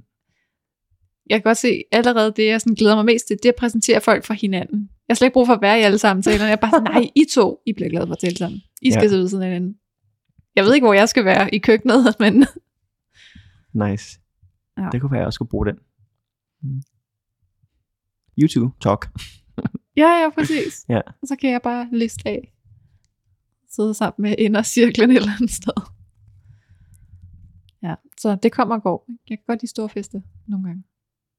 Hvis jeg kender alle, jeg tror det er det. Hvis det er min fest, og jeg Mm. kender alle mennesker og selv har valgt dem, så er det fint. Ja. Det var i virkeligheden også et tidsspor. det der med fødselsdag. Ja. Havde du flere udfordringer? Det var, var det ikke det, vi kom fra? Jo, det tror jeg var, var temaet. øhm, det der med, hvordan folk øh, opfatter en, hvis man kan kalde det sådan paraplyagtigt. Ikke? Der er nogle ting deri, øh, som jeg også synes er udfordrende i den forstand, at jeg jo gerne vil sådan opfattes retmæssigt, og ikke opfattes uhøfligt og snobbet, som du sagde før. Ikke? Mm. For eksempel det der med small talk, øh, hvis vi kan kalde det det. Hvis folk spørger sådan, mm, kom du godt derhen, eller hvilken vej tog du, eller Nå, har du øh, et eller andet sådan, der vedrører personen, men som er sådan lidt ligegyldigt, man bare spørger om. Der er jeg super dårlig til at spørge igen om det samme. Og det hørte jeg Simon øh, Linde sige i afsnittet med ham. Ja. Og jeg var bare sådan, I feel seen. Ja. Finally er der nogle andre, der siger det. Det er præcis sådan, jeg har haft det rigtig, rigtig længe. Um, if not always. Hvor at, at jeg, jeg svarer høfligt, og sådan, men jeg glemmer simpelthen at sige, og hvad med dig? Ja. Fordi jeg er pisselig glad. Ja. Og det er ikke fordi, jeg er ligeglad med dig som person. Jeg håber, du er kommet godt herhen. Jeg håber, du er glad. Jeg håber, du har lavet noget godt. Jeg håber, du har haft en fantastisk weekend. Men jeg går som sådan ikke op i at høre om den, medmindre der er sket noget fantastisk, som er sådan ekstraordinært. Så, så hvis, hvis du har en historie at fortælle, fortæl den endelig. Jeg vil gerne høre den. Mm. Men jeg har ikke lyst til at sige, har du haft en god weekend? Ja, det har jeg. Nå, hvad lavede du? Jeg var lidt i haven. Nå, okay. Nå, og så var jeg, der var hjemme i bilen, og så fik jeg købt en is. Ej, vi købte en store pakke. Nå, gjorde I det? I don't give a fuck. At, åbnede du den pakke is, og så sprang en rotte ud? Det vil jeg gerne høre. Men åbnede du den pakke is og spiste den og tog en mere? Jeg kunne ikke være med ligeglad. Men hvordan kommer man så fra det og hen til rotten? hvordan ved man, om der er en god historie? Det ved man kun, hvis folk siger det selv, Ja. tænker jeg. Så det er der, der, hvor jeg mener sådan, hvis du siger, fuck, du skal høre, hvad der skete i weekenden. I'm all ears, honey. Altså, tell me. Men jeg har ikke brug for selv at prøve at fiske ud af det, og, og finde ud af, "Nå, hvad har du lavet? Men det er så også måske om mig, der bare ikke har noget problem med at fortælle hvor, om mig selv, hvis der er et eller andet, jeg gerne vil dele. Hvor andre tænker, ej, det, er det kan jeg ikke lige sige. Der, det, det, når jeg spørger til det, kan jeg dele det, ikke? Øhm, selvom de måske gerne vil fortælle det eller et eller andet, hvor de tænker, ej, det er for selv, vi skal begynde bare at tale om mig eller et eller andet. Ja. Men hvor jeg mere har det sådan, hvis det er noget fedt, vil sige, så kom der med det, så vil jeg rigtig gerne høre det. Ja. Øhm, men pointen er, at, at der er jeg bange for, at folk, de føler, at jeg er snobbet, ligeglad, et eller andet, fordi jeg ikke spørger igen. Men det er simpelthen ikke nogen ond mening. Det er bare fordi, jeg registrerer ikke, at det er et relevant spørgsmål at give dig igen, fordi det er sådan, det er bare støj for mig, agtigt, hvis Ja. man kan være så flabet. Ja, og nogle gange kan man være så forudindtaget og tænke, jeg ved jo godt, hvad du svarer. Ja, den er der også. Så, så why bother? Ja, lige præcis. Ja, så det synes jeg kan være lidt irriterende, at jeg ikke automatisk tænker det, at jeg skal hanke op i mig selv og huske at gøre det. Og noget andet, som jeg snakkede med en om for nylig. Øhm, jeg ved ikke, om det har noget med introvert at gøre, men jeg føler, det må have en relation til det alligevel, til den del, der handler om at, at nyde ting alene, øhm, og analysere og mærke i dybden og, og så videre. At være til koncert, Ja. der har jeg fanget mig selv i, og jeg siger jo ikke, det er alle introvert, men jeg siger, at jeg er i hvert fald sådan her, at til koncerter, den måde jeg ofte nyder det mest på, det kan være at stå med krydsede arme og kigge lige ud, og have stoneface, og bare observere og høre. Oh, yes. Jeg er helt med dig. Ej, hvor fedt. Ej, jeg var så nervøs for, hvad du ville sige til det, fordi du sad sådan helt og afventede i dit ansigt, og sådan, åh oh, nej, er hun helt uenig? Nej, jeg er helt med dig. Fedt. Hvordan, prøv at sige noget mere om, hvordan du oplever det så, fordi jeg vil gerne bonde over det her. Og jamen, jeg synes, øh, jeg tror, det er af samme grund går jeg ikke til sindssygt mange koncerter, fordi jeg føler lidt, jeg, øh, jeg er sådan partypooper mm. til koncerter. Ja, for jeg har det jo egentlig på samme måde. Ikke? Jeg kan have den vildeste fest indeni. Du kan ikke se det Nej. overhovedet. Og, øh, og, og jeg har det på præcis samme måde med at få gaver og skulle åbne dem foran andre. Fordi jeg ved bare, at øh, der er en forventning om, at du skal være sådan, oh my god, det er det vildeste, hvor er du sød, tak. Og Mm. jeg er bare sådan, this is my happy face. Ja. jeg er glad, og jeg siger tak, men, men jeg kommer overhovedet ikke til at virke begejstret. Mm. På den måde, man virker begejstret, når man er til koncert eller får en gave. Jeg kan godt relatere. Hvordan har du det så med, øh, med stand-up shows? Fordi der kan jeg nemlig også godt være typen, der sidder og tænker, det var en god joke, den er jeg glad for at have hørt, uden at grine højlydt. ja, jamen det er også. Der, der er jeg bare så glad for, at der er rigtig mange andre i salen, der er rigtig gode til at grine højt, ja, og Fordi- overdøver min... Øh, for der virker man nemlig som det der røvel, der bare sidder og tænker, you're not funny. Mens jeg indeni tænker, fuck, hvor er det genialt skrevet. Ja. Jeg ville ønske, at det var mig, der havde fundet på det. Ja. Men jeg griner ikke nødvendigvis højlydt. Og på samme måde til koncerter, der kan jeg stå og tænke, ej, det er fedt lysshow, og ej, en genial scenografi, og wow, nice, at de har lagt den sang efter den sang, og kæft, et øh, sprødt remix, de har lavet af den, og wow, lavede de lige et mashup der, ikke? Men det er noget, jeg observerer, Ja. og tænker over, og føler inde i mig selv, og så går jeg derfra og tænker, det var et godt produkt. Altså sådan, det var, Ja. det var en god ja, oplevelse, men oplevelse på den måde, at, at det jeg overværede var fantastisk. Ikke at min egen tilstedeværelse i det var fed. Hvor andre nyder det mere ved at hoppe rundt og synge med, og, øhm, og nærmest ikke se scenen, ikke? altså når de Ja. er til koncerter. Der er stik modsat. Ja, jamen jeg kan godt faktisk komme til at tænke, når, når der er en eller anden sang, hvor okay, nu klapper vi med, kan jeg forstå. Og synes, det er vildt irriterende, fordi det ødelægger min oplevelse at jeg skal fokusere på takt og rytme, og, og lige en, der er glad, og at det, at det er det, vi gør. Jeg vil hellere bare stå og, og lytte og være opmærksom. Mm. Jeg føler virkelig, at det er mig, der skal på der en show, når jeg er til koncert. For ikke at se uengageret ud. Ja, er en god måde at beskrive det på. jeg kan dog godt overskue at klappe med, vil jeg sige. og synge med også. Det er heller ikke, fordi det er udfordringen der. Og jeg synger også med. Men det der med, at man skal gøre et eller andet, ikke? hvor jeg er sådan, Mm. åh, det er virkelig ude af min comfort zone, at jeg skal se begejstret ud på det niveau der. Ja. Det kommer bare ikke til at ske. Og for mig er det også noget med, at jeg ikke vil gå, gå glip af noget. Jeg vil gerne Ja. se det hele. Jeg har betalt for at se det her show, så hvis jeg kigger væk en tredjedel af det, så har jeg ikke fået showet med. Sådan har jeg det lidt. Ja.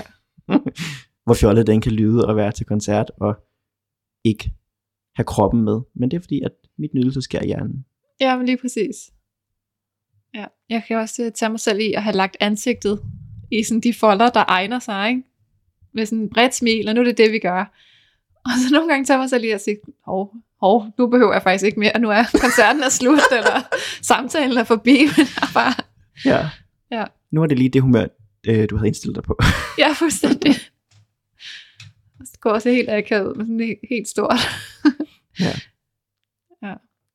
Cheshire Cat, hvad hedder den? Alice i Eventyrland Cat, smil. Mm, ja. Ej, det er jeg glad for, at du kan relatere til. Fedt. Det, det ved jeg, der er mange derude, der kan relatere til. Jeg skal ikke kunne sige, om det er sådan en øh, efter bogen introvert ting. Mm. Men det tror jeg, det er. Jeg snakkede faktisk med en af mine ekstroverte, øh, meget ekstroverte venner om det for nylig, nemlig, hvor jeg fortalte hende, hvordan jeg havde det til koncerter. Hun var i chok. Nå, Så det er derfor, jeg også er sådan lidt tøvende med at sige det, og sådan, at det bare mig, der er weird. nej, nej, nej. Slet ikke. Men det er også derfor, jeg tænker, måske er det noget med introvert og ekstrovert, fordi hun er helt omvendt. Ja. Mm.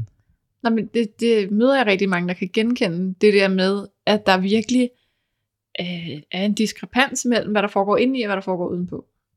Og det, kan, det er jo også noget af det, der kan være med til at forvirre helt vildt. Ikke? Mm. Og ærligt talt, jeg kan godt forstå nogle ekstroverte, ja, og introverte også for den sags skyld, der er sådan lidt, hvad foregår der derovre? Er sådan lidt mistroiske, lidt skeptiske, lidt, hvor er det irriterende, at jeg ikke kan læse dig? Prøv nu lige at, at byde noget ind. Mm. Jeg synes egentlig, det er fair nok at, at kunne synes, introvert også er mega irriterende. Mm. Og efter jeg også, altså nu har jeg øh, et skrivehold i ungdomsskolen ude i Dragør. Og alle de der ting, som jeg plejer at sige, ikke? lad nu være med hele tiden at skulle spørge de introverte. De, skal, de behøver ikke række hånden op, hvis ikke de har noget at sige. Vi behøver ikke fordele taletiden lige. Og så har jeg jo bare nogle super introverte elever på det hold, ikke? Og jeg bliver helt sådan, gud, hvad gør man egentlig? Jeg får jo lyst til at gøre alt det, som folk har gjort med mig hele mit liv. Ikke? Hvad siger du? Du har ikke sagt så meget. Har du noget at sige? Vil du lige på? Vil du have ordet først i dag? Ja, det ved jeg heller ikke lige, hvad man så egentlig skal gøre. Giv, sige til folk, næste gang spørger jeg dig, så forbered dig på svaret. Eller hvad? Det ved jeg ikke. Nej, jeg ved det nemlig heller. Jeg har ikke fundet den gode løsning. Men jeg kan bare virkelig sætte mig ind i det der med, at jeg ved ikke, hvordan jeg skal håndtere dig, Mm. faktisk. Jeg har også fået at vide i øh, samtaler med folk, at, at øh, og igen, jeg ved ikke, om det har noget med introvert at gøre, men det har det sikkert på et vist plan, at jeg kan virke sådan intimiderende, fordi at jeg bare sidder og stiger på dem. Det Sådan har en stone face.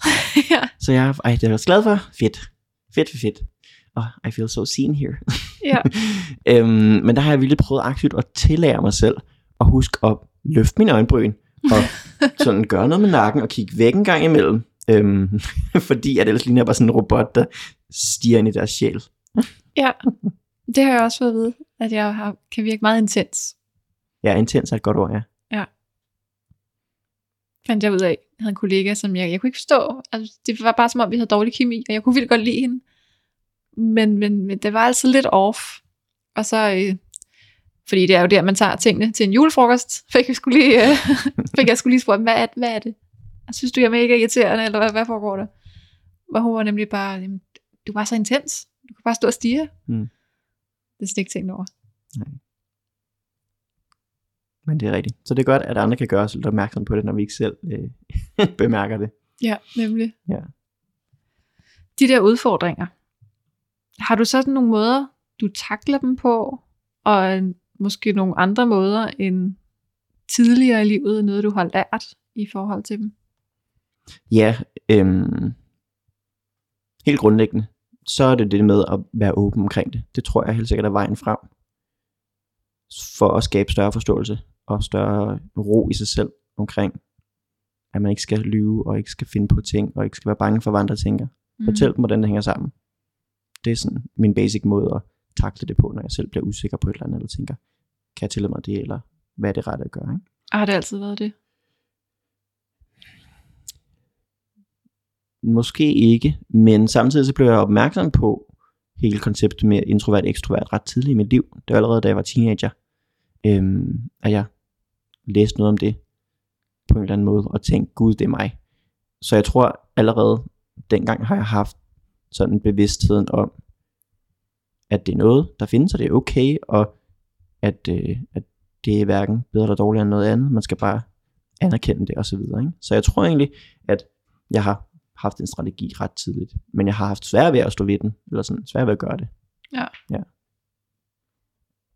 Øhm, noget jeg også tænker på nogle gange, for at tvinge mig selv til at tage mere alene tid, øh, når jeg tænker, jeg vil jo også gerne ud til det her, og jeg bør jo gøre det, jeg kan ikke til mig at sige nej igen, og så videre. Ikke?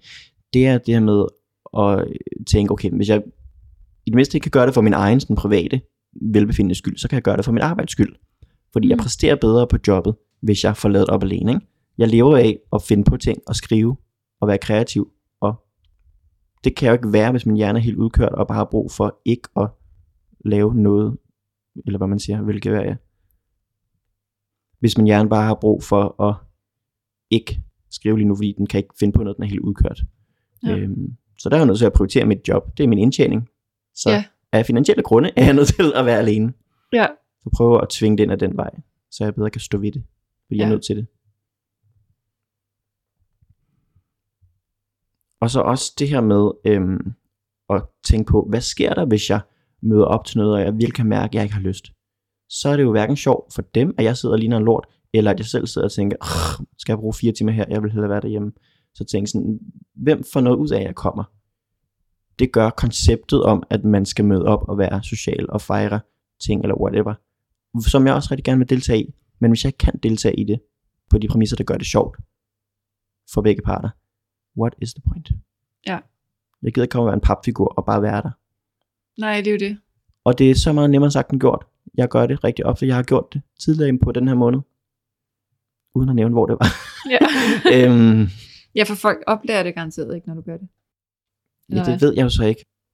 Jo, de opdager det på den måde, at jeg mere sidder over hjørnet, Mm. og mere kommer til ikke rigtig at sige så meget, og grine så meget, som jeg normalt vil gøre. Fordi at mine ressourcer bare ikke er der, til at løfte min mundvige. Ja. Det, det sker bare ikke, så på den måde tror jeg godt, folk kan mærke det, hvis det virkelig er ekstremt selvfølgelig. Ikke? Så, øhm, så jo, der er nogle måder at takle tingene på, som jeg tænker over, og synes generelt, jeg er blevet bedre til at øhm, respektere mine behov, fordi jeg har prøvet at ikke respektere dem og mærke, hvordan det ikke fungerer, ikke? og ved efterhånden, at mit mentale helbred er vigtigere end, end andre ting, men altså det er lidt en evig kamp, som jeg også har sagt før. Øhm, det er fucking svært. Mm. Jeg er meget bevidst introvert, Ja. men er stadig rigtig dårlig til at håndtere det på, på mange områder. Øhm, ja. Så jeg har ikke et gyldent svar. Jo. Ja, øv, har du? Nej. Jeg kunne godt tænke mig at høre et. Men du har jo meget mere sådan erfaring med at høre andre folks perspektiver og, og måder at gøre det på. Så hvad vil, har du noget godt råd til mig? Eller hvad man siger? Mm. jeg tror, du selv har sagt det lidt, ikke? Med at lægge fokus på, hvad det er, der er vigtigt. Altså hvis det er relationen, og det at være der, der er vigtigt, altså være der i relationen, så skal man måske ikke tage med til de ting, hvor man bare ved, jamen jeg kommer ikke til at være der mentalt. Jeg kan være der fysisk, men jeg kommer ikke rigtig til at være der. Og hvis det er vigtigt at show up den dag, og hvis det er det, der betyder noget for folk, jamen så igen, hvad er formålet? Hvad er, hvad er det, vi er ude i her? Så tænker jeg, så kan det være det, der er vigtigt. Og så bare acceptere, at altså, det vil ikke fungere for mig som vært, at mine gæster kom kun for min skyld, og ikke bidraget med noget, og ikke havde lyst til at være der. Men det fungerer jo for nogen, der bare har lyst til, at der skal være fuldt hus den dag, eller det er vigtigt, at folk dukker op. Og med arbejdet, ikke? Hvis, hvis mit arbejde er vigtigt for mig, og det er det, det kræver, så er det det, jeg gør. Enten at slappe af, eller for mig, ikke? Jamen, jeg har lært at holde foredrag, fordi det var vigtig information at få ud. Ikke fordi jeg synes, det var fedt Nej. at holde foredrag. Så jeg tror, at det er det der med sådan at kunne mærke efter, hvad er det, der er vigtigt, og så kunne gå med det. Hvad er vigtigt, og hvad er en idé om, at det er vigtigt. Samfundsnormer. Ja. Og den er svær. God pointe. Så det er det, vi skal ligge og rode med. Hvad, hvad siger hjertet i virkeligheden? Ja. Og så stå ved, når man kan mærke tydeligt, at de siger nej. Ja. Tænker jeg.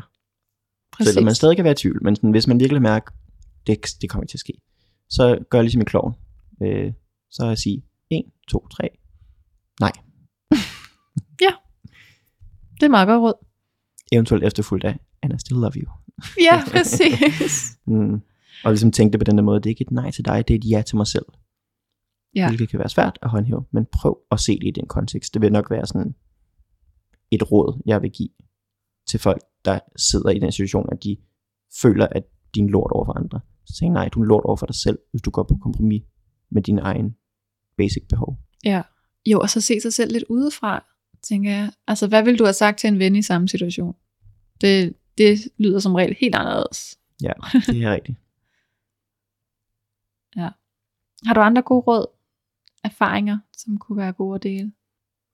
Ja, øhm, i forbindelse med at ligesom, tage ansvar og stå inden for det, så helt konkret, hvis nogen spørger, om man vil et eller andet på et tidspunkt, så sige, lad mig lige sove på den. Øh, det, det må jeg lige tage stilling til på dagen, hvis det er altså så i går sådan slemt, at man føler, at man kan ikke svare før det. Øhm, altså i hvert fald gøre et eller andet end bare at sige ja med det samme ud af skyldfølelse eller sådan pligt. Ikke? Øh, fordi at det har jeg gjort nogle gange, sagt ja, og så har jeg været nødt til at aflyse. Og så synes jeg måske, det er bedre at sige, tænk over det, nej, eller tænk over det, ja, men betinget, eller sådan, bare så du ved det, eller sådan, igen det der med at være åben omkring det, kommuniker, ja. sig det, i stedet for at bare føle, det er jeg nødt til, og så siger jeg, ja, men det samme, så gør jeg det, og så har jeg det fucking dårligt. Ja. Hvis nogen kan bruge det til noget. Så ja. igen, det er nemt at sige, men det kan være svært at, at udføre. Øhm, og så en sidste ting måske også, som jeg jo selv prøver at bruge, men igen, ikke altid bliver overholdt 100%. Det der med at skrive alene tid i din kalender. Sådan så du er sikker på, mere sikker på, at tage højde for det.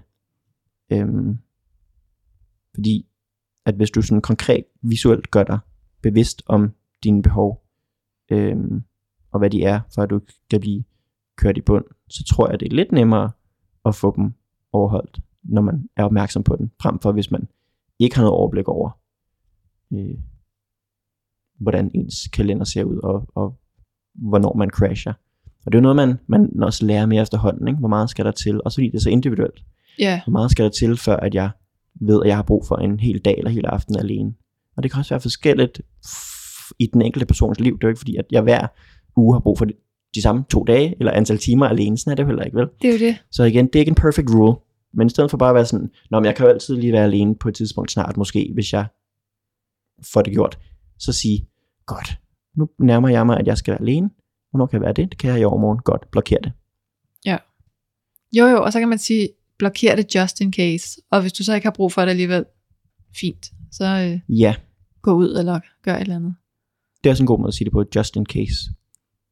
Men så risikerer man så også bare, at man kommer til at sige, nej, men det var også bare for en sikkerheds skyld, og så kan jeg lige alligevel måske godt sige ja. Øhm, ja, det men, rigtigt. men jo, just in case på den måde, at, at hvis man finder ud af, at man ikke har brug for det, så er det så fint, ikke? Ja. Men øh, hvis man ved, at man har brug for det, så stå ved det også. Ja. Og hvis du så ikke har lyst til, hvis du er et sted med nogle mennesker, som ikke respekterer det, og du ikke har lyst til at sige, jeg kan ikke, for jeg skal være alene, så i sidste ende, altså så sige, øh, bare sige, det kan jeg ikke, jeg har planer.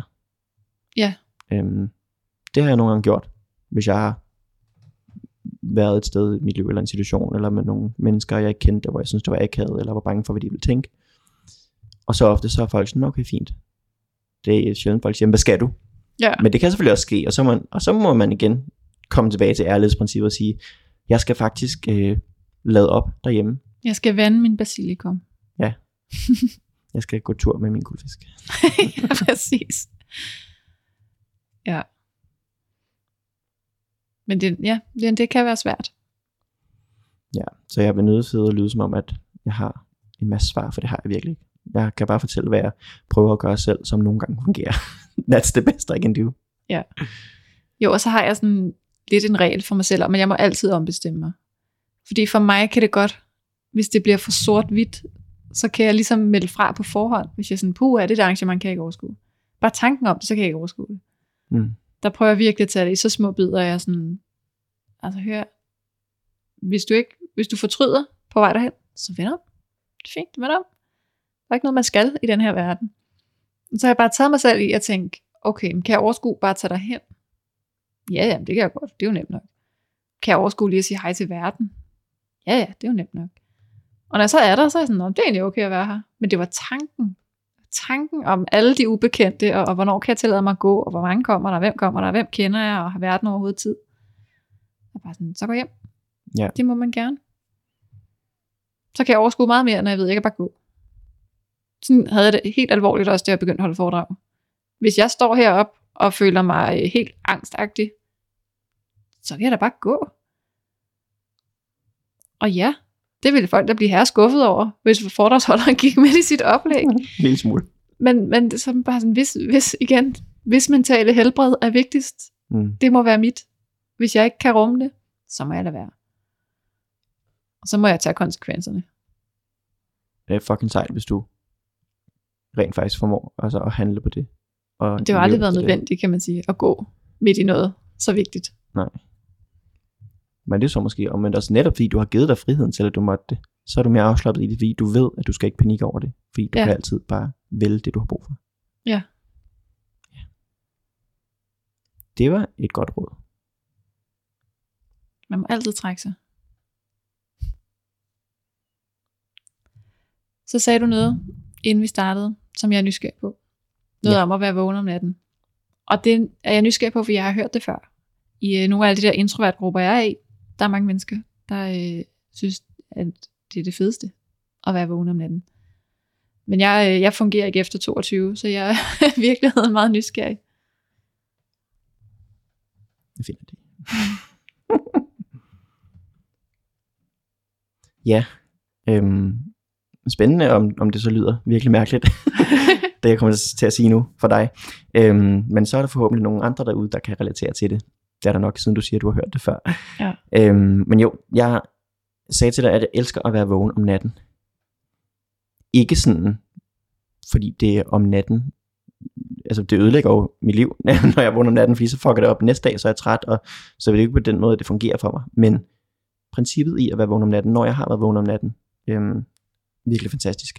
Og det er noget at gøre med, at, og jeg snakker selvfølgelig ikke ligge vågen og stige op i loftet, jeg mener sådan, altså, ikke prøve på at sove, men sådan, være vågen og lave ting om natten. Ikke? Mm. Hvad end det så bare at sidde og skrive, eller whatever, se noget.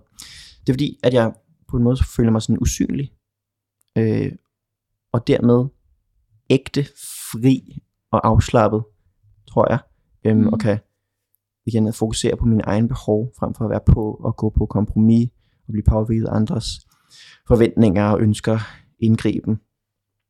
Der er ligesom ikke nogen, der kan, ligesom jeg snakkede om før med arbejdsforhold, ikke? at jeg gerne vil arbejde, vil arbejde i et lukket rum uden forstyrrelser. Ikke?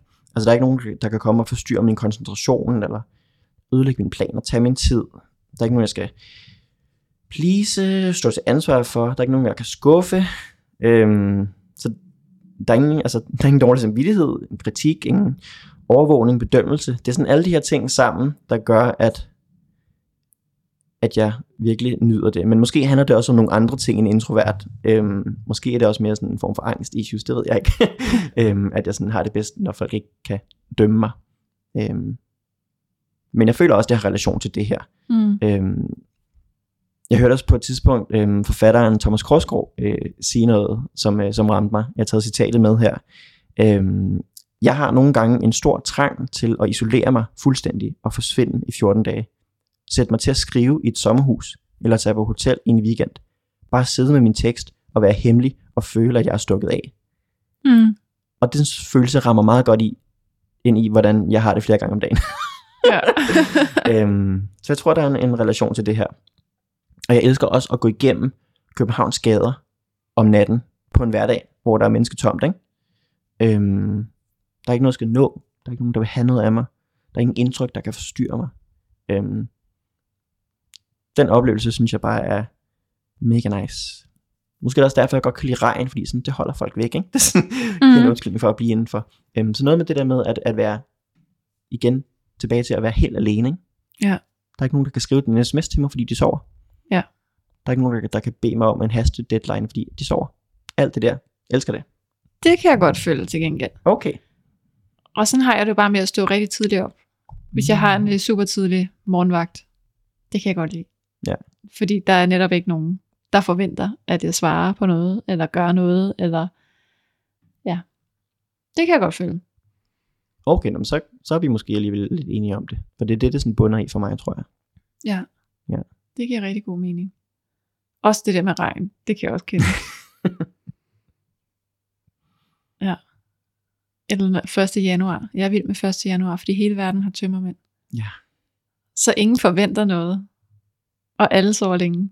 Så jeg elsker at stå tidligt op 1. januar. Mm. Ej, det kan jeg godt. Jeg har så aldrig stået tidligt op 1. januar, men jeg kan godt relatere til, til princippet i det. Det kunne være, jeg skulle prøve det. Der er ro på. ja. Så der har vi den bare i hver vores ende af døgnet. Ja. den der stille periode. Ja. Præcis. Mm. Og så her til sidst, det kommer så tit til at handle om øh, alle udfordringerne, og det der er svært ved at være introvert. Men hvad er alle øh, kvaliteterne i det? Så det synes jeg jo også er mega vigtigt at tale om. Netop fordi jeg synes, at der er nogle kæmpe styrker i det, som jeg ikke vil være for uden. Fordi at det gør mig til sådan en stor del af den jeg er. Øhm, men også altså, det jeg kan. Mm. Det baserer sig meget på nogle af de her ting. For eksempel så øh, en styrke, det er evnen, tænker jeg, til at arbejde selvstændigt. Øhm, ikke at ekstrovert ikke kan det, men det der med at kunne, øh, også under corona, arbejde hjemmefra. Ikke? Mm. øhm, det kan være en styrke. Øhm, men ellers vil jeg sige generelt sådan evnen til at fordybe sig i ting, og ligesom gennemarbejde noget og analysere det. Og igen, ikke at ekstroverte ikke kan det, men det tror jeg bare, at vi introverte har en force i. Ja. På nogle punkter. Øhm, også det med sådan at tænke store tanker, eller hvad man kan kalde det. Øhm, det oplever jeg i hvert fald selv, er noget, der rykker mig rigtig meget, og gør, at andre synes, at jeg er nice, fordi jeg tænker meget, og ja. kommunikerer det ud, når jeg har tænkt noget klogt. ja. Eller hvad man siger. Øhm, og så også den her evne til at, at have de her dybe samtaler. Øhm, fordi det ligesom altså skaber dybere relationer. Øhm, igen, ikke sagt, at ekstrovert ikke kan det. Det er bare noget, jeg oplever i høj grad med mine introverte venner, at vi kan gå ned i et rabbit hole om et eller andet, og bare øh, bruge tre timer, som vi to har gjort nu, på at snakke om et eller andet emne. Ja. Øhm, og det synes jeg er fucking fantastisk. Så det synes jeg er en styrke at kunne, i min ja. verden i hvert fald. Helt klart. Og jeg synes egentlig, det er sjovt, når jeg sådan spørger til øh, introvertes kvaliteter, og de så siger et eller andet med for eksempel fordybelse, ikke? Mm. så er ekstroverte lynhurtigt til at være hen og sådan, det kan jeg også. Jeg kan sagtens fordybe mig. Ja, ja, det er der ikke nogen, der har sagt, du ikke kan. Men jeg ser det meget sjældent den anden vej, egentlig at man får sagt, at ekstrovert, de er også super gode til at kunne det her job. Jeg ser meget sjældent folk, der kommer løbende og sådan, hey, det kan introvert også. mm, ja. Ja, der er altså, øh, der, der kunne godt være noget mere fokus på introverte kvaliteter. Jeg vil også ønske, at jeg kunne komme på nogle flere ting at sige her. Øh, fordi jeg føler, at det er en, en nice ting. Ja. Men, øh, men egentlig så ved jeg ikke lige, hvad jeg skal fremhæve. Vi har også været inde på noget med det der med at rejse og sådan noget, ikke? Så jeg synes, der undervejs også har været nogle fordele. Nå ja, ja, det er selvfølgelig også rigtigt. Nu starter jeg også med at sige evnen til at arbejde selvstændigt. Det kan man netop også sige evnen til at være selvstændig. Altså være alene. Ja. Øhm, gøre ting, som man gerne vil, selvom at nogle andre ikke vil det. Så siger man, så gør det bare selv. I stedet for at blive holdt tilbage af det, eller ikke ja. synes, det var fedt af den grund. Ja, præcis. Ja. Og nu har vi jo øh, talt i halvanden time. Så hvis nu folk skal tage en vigtig ting med, hvis de ikke kan huske det hele, hvad er så det allervigtigste at høre fra dig? Uh, det var jeg ikke forberedt mig på. Nej. Men det er kun øh, det vigtigste spørgsmål i hele interviewet. okay, super. Nej. Jeg skal lige tænke et øjeblik. Mm. Uh. Tjekker for sine noter. Har jeg glemt noget klogt? Google. ja. Øhm, jamen, jeg er jo nok tilbøjelig til at lade det falde tilbage på, at man skal stå ved sig selv. Det føler jeg, jeg har fået nævnt på forskellige måder rigtig mange gange i løbet af den her podcast, at det, øh, det nytter ikke noget at blive ved med at gå på kompromis og lyve for andre og lyve for sig selv. Øhm, jeg tror, det går meget bedre, både på samfundsplan, mm. hvis vi snakker om det, men også på individniveau i folks relationer. Det er i hvert fald det, jeg selv har oplevet. Så lige meget hvad for nogle metoder du bruger, eller ikke bruger, eller hvad du havner i, og hvem du snakker med, og hvad det er, du personligt kæmper med, eller synes er fedt som introvert, whatever, så øh, hyld det, fejr det, i hvert fald lade være at gemme det væk, og tro, at det er noget, som er forkert. Mm. Enig. Og så kan man jo spejle sig i alle de andre introverte. Ja. Og vide, at man ikke er den eneste, der går til koncert med Stoneface. Præcis. og det er også derfor, at den her podcast er så vigtig, fordi at man netop ser og hører ekstroverte i mange sammenhænge. Ikke nødvendigvis fordi de fører sig frem, men fordi de er ude i verden, du ved, de er mere mm. højt råbende, eller dansende til koncerter, eller øh, whatever, ikke? så man kan godt have tendens til at føle sådan, om det er mig, der er her og anderledes, fordi alle de andre er sådan, fordi det er det, man bemærker. Ja, så det er vigtigt at fremhæve alle dem, der står, det lyder sådan, man står mere ude i kulissen, øhm, ja. men som også er her, som man er, man har et fællesskab, man er ikke alene om at være introvert, man tænker måske bare, at man er det, fordi man mere ser folk, der er ekstroverte på alle mulige forskellige måder. Måske er det også lidt en fordom, men øh, jeg tænker, der er noget i det. Jeg tænker også, der er noget i det. Og dem, man måske ser, der er introverte, ved man måske ikke er introverte. Mange af dem, der har set og fulgt dig, ved ja, måske um, ikke, at du er introvert. Perfekt, at du lige kommer med den. Det er jo lige præcis også det, der gør, at man tror, at der ikke er så mange introverte, fordi at folk kan virke ekstroverte. Ja. Fordi man forbinder det at være udadvendt, eller på en scene eller noget med at være ekstrovert, men det er det jo ikke nødvendigvis. Så lige præcis gør sig bevidst om, det første omgang, hvad det vil sige at være introvert. Ja. Så man kan tænke, dem er der også mange af. Os er der også mange af. Det behøver ikke at være en ekstrovert, der står der og skriger. Det kan godt være Nick, som er introvert. ja, præcis. Tak fordi du var med. Jeg siger kæmpe tak til dig, for at jeg måtte komme. Det har været terapeutisk. Det var godt. Det sagde Simon også. Det er dejligt. Fedt.